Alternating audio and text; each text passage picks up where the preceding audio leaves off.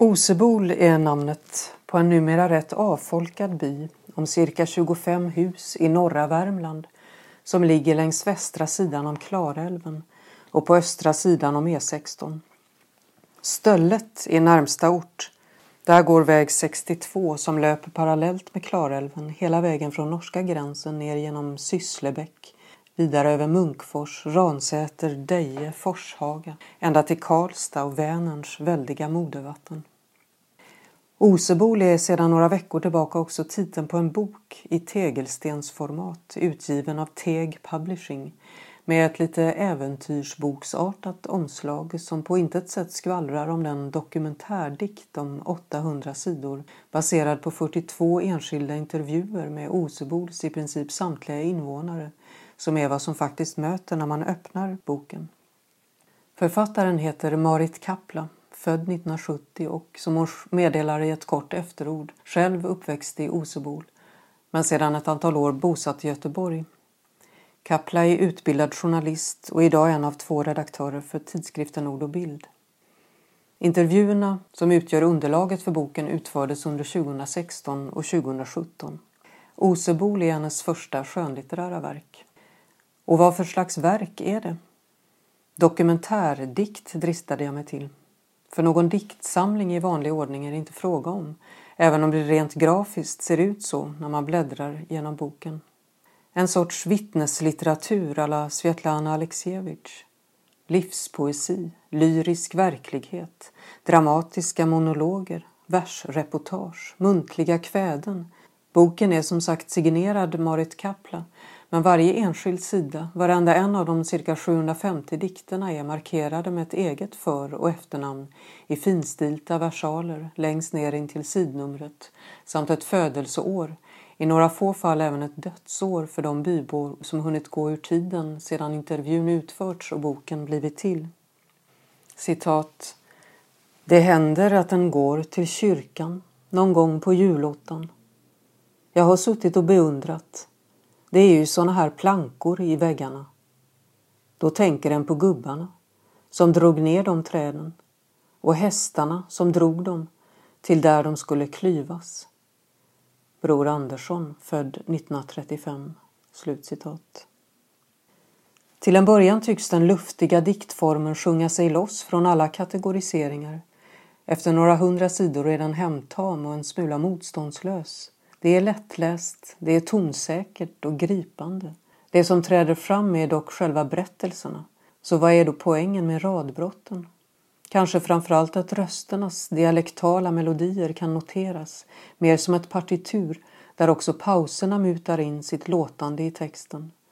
Diktens fraseringar saktar ner det löpande narrativet och ger plats för tiden på sidan ögonblicken som glöder till och försvinner in i kroppen som ädla magstarka klanger. Det fungerar fantastiskt bra.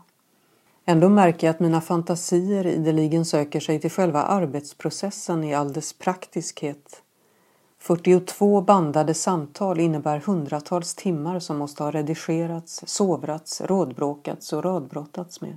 Raderna i boken är som timmerstockar som en gång varit skog, tänker jag. Och även om denna praktiskt betingade författarroll är analog med det praktiska yrkesarbete som är bärande tema i de flesta av texterna, skogsbruket, timmerflottandet, vårdarbetet, framstår till slut bristen på grafisk variation som lite undlig med tanke på att det rör sig om så många och vitt skilda röster. Det betyder inte att det någonsin är ointressant läsning.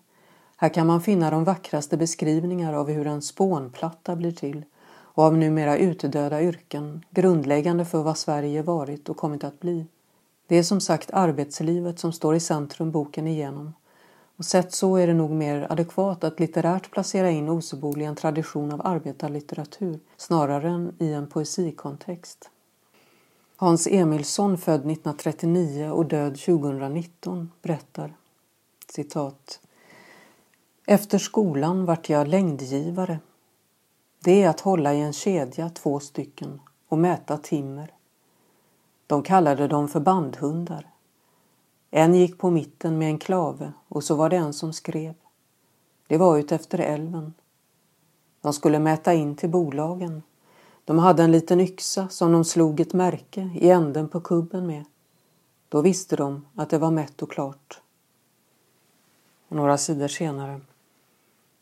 Jag var uppe i ett skilje för det mesta. Man skiljer på gran och tall. Tall för sig och gran för sig. Kom det inte en kär en gång i elva? Ja, det kom en. Han gick i elva i Munkfors på julafton. De hade spåren efter honom i snön.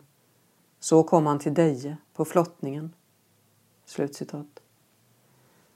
Raden Kom det inte en kär en gång i elva är högerställd och det är lätt att fatta att det är signalementet för att ytterligare en person kommer in i samtalet. De sidorna markeras av två namn ner till. Här är det Ingalill, maka till Hans, som också har en lång egen svit i boken. En annan formmässigt raffinerad detalj är blanksidan som markerar att en svit är slut och att en ny tar vid. Till en början tänker jag inte på vad det är för pyttesmå klossar i ljusgrått som formar ett mönster i mitten på sidan tills jag inser att det är en översiktskarta av byns huskroppar. 25 stycken, några lite större än andra, ett förtätat kluster i mitten och några enstaka fyrkanter lite mer avsides. Varje gång sidan förekommer är en av klossarna svärtad och man kan på det sättet placera in i vilket hus kommande samtal utspelar sig. Svetlana Alexievich har hävdat att det inte går att skriva romaner längre, att Dostojevskijs fiktionsbyggen är omöjliga idag. Vad menar hon med det egentligen? Att verkligheten överträffar dikten? Ett otillräckligt svar, men min känsla är att Kapla är inne på något liknande i sitt val av metod. Utmärkande för Alexievich, ja för vittneslitteraturen och arbetarlitteraturen i stort, är dock någon form av utsatthet, oftast betingad av klass, etnicitet eller traumatiska krigserfarenheter. Relevant i en svensk samtidskontext vore här att nämna Ednan av Linnea Axelsson, ett versepos också det i storformat som kom i fjol och som skildrar flera generationer samisk släkthistoria. Nog är glesbygden avfolkad, land och stad polariserat. Men det är inte något trauma eller förtryck som står i fokus i Osebol, vilket på ett sätt är befriande. Frågan infinner sig ändå om boken trots allt är tänkt som ett minnesarbete, en upprättelse för landsbygden i den vansinniga obalans som råder mellan periferi och centrum. Eller är det en hyllning till ursprunget, en kompensation för att ha övergivit detsamma? Eller en ren kärleksyttring? Projektets till synes tjänande uppsåt förblir outsagt. Författarens starka närvaro i radbrottsgapen går inte att bortse från. Timmerstocksdikterna är av vårdande art. Skogen är redan på utdöende. Men vad är ett människoliv? Vem är det som träder fram i texterna? Det finns en risk att de formaliserade rösterna blir mer exempel än levande människor. Ändå är det inte svårt att förstå varför Kapla konsekvent låter bli att notera sin egen röst, sina egna frågor. Det ligger liksom i luften, på ett bakvänt sätt, som en motrörelse i en självframställningspsykotisk samtid. I en tid då individualism klingar av egoism. En vilja att upplösa centrum, spåra upp hörnen, rösterna som inte syns och hörs i en allt mer åtskruvad marknadsstyrd verklighet.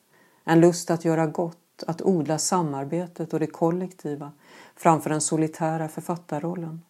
Det är som sagt inget fel med det. Tvärtom är det djupt sympatiskt.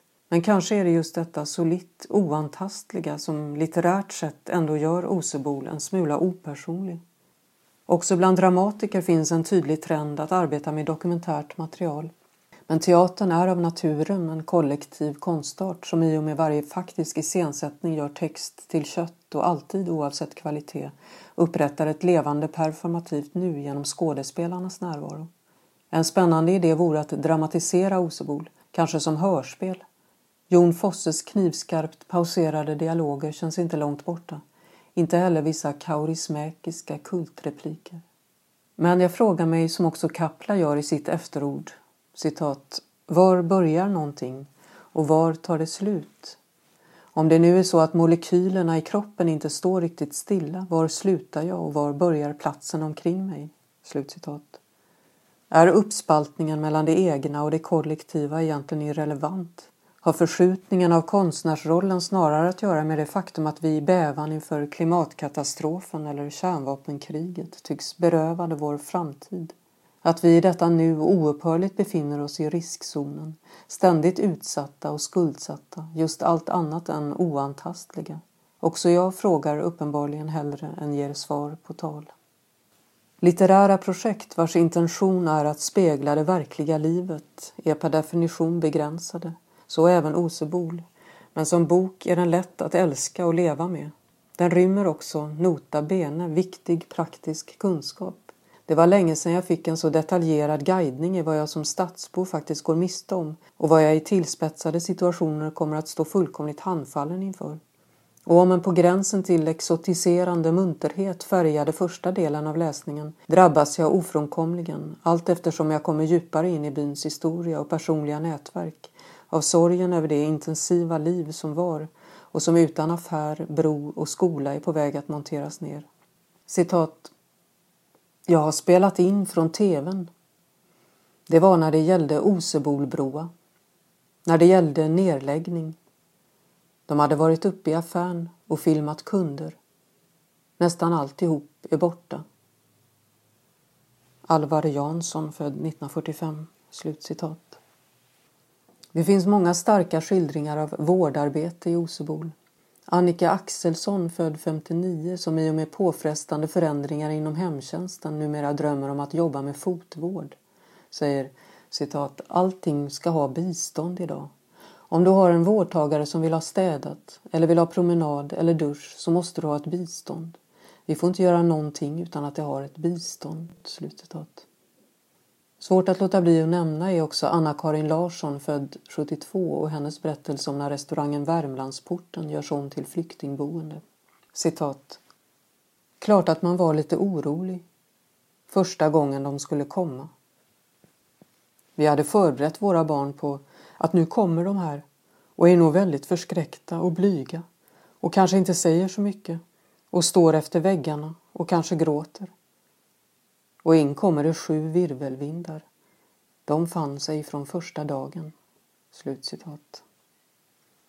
Det är faktiskt inte så svenskt och värmländskt som man kan tro i Osebol.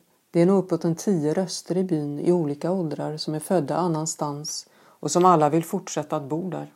De bidrar med intressanta dubbelsidiga betraktelser. Inte minst konstnären Istvan som lyckades fly Ungern 57 och gick på Konstfack när det begav sig på 60-talet. Han flyttade upp till ett arbetskollektiv i Sysslebäck vilket ledde honom vidare till Osebol där han fortsatte leva kollektivt i sex år för 16 kronor per person och dag och blev kvar med sin familj efter en brytning då resterande kollektiv försvann söderut. Nu tycks han vara en av centralgestalterna i byn, om än aldrig helt osebolsk. Hans diktsvit slutar med dessa rader. Citat. Folk går hem till varandra, men det är vissa som går hem till vissa men inte till de andra. Om jag bjuder hit den så kommer inte den. Människor är olika.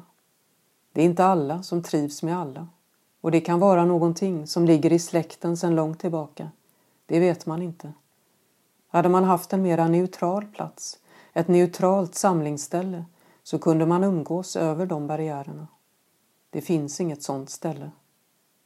Jag har blivit van vid rymd, både inne och ute. Friheten och rymden och sen människorna. Du har inte människor omkring det här utan individer. Man kommer varandra närmare. Slutcitat.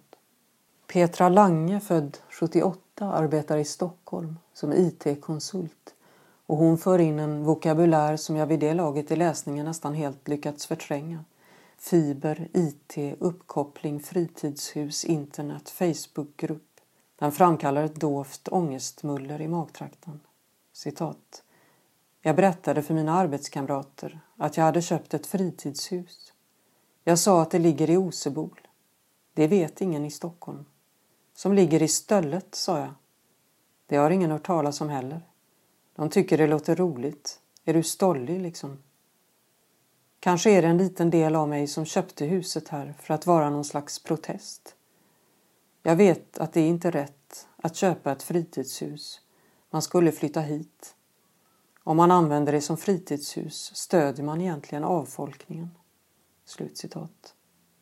Jag rådnar lätt för sanningen är att som av en slump eller som ett vältajmat sammanträffande har jag själv just kommit tillbaka från en något vilsen färd i nordöstra Värmland sökande efter ett fritidshus som det rubriceras på sajten Hemnet.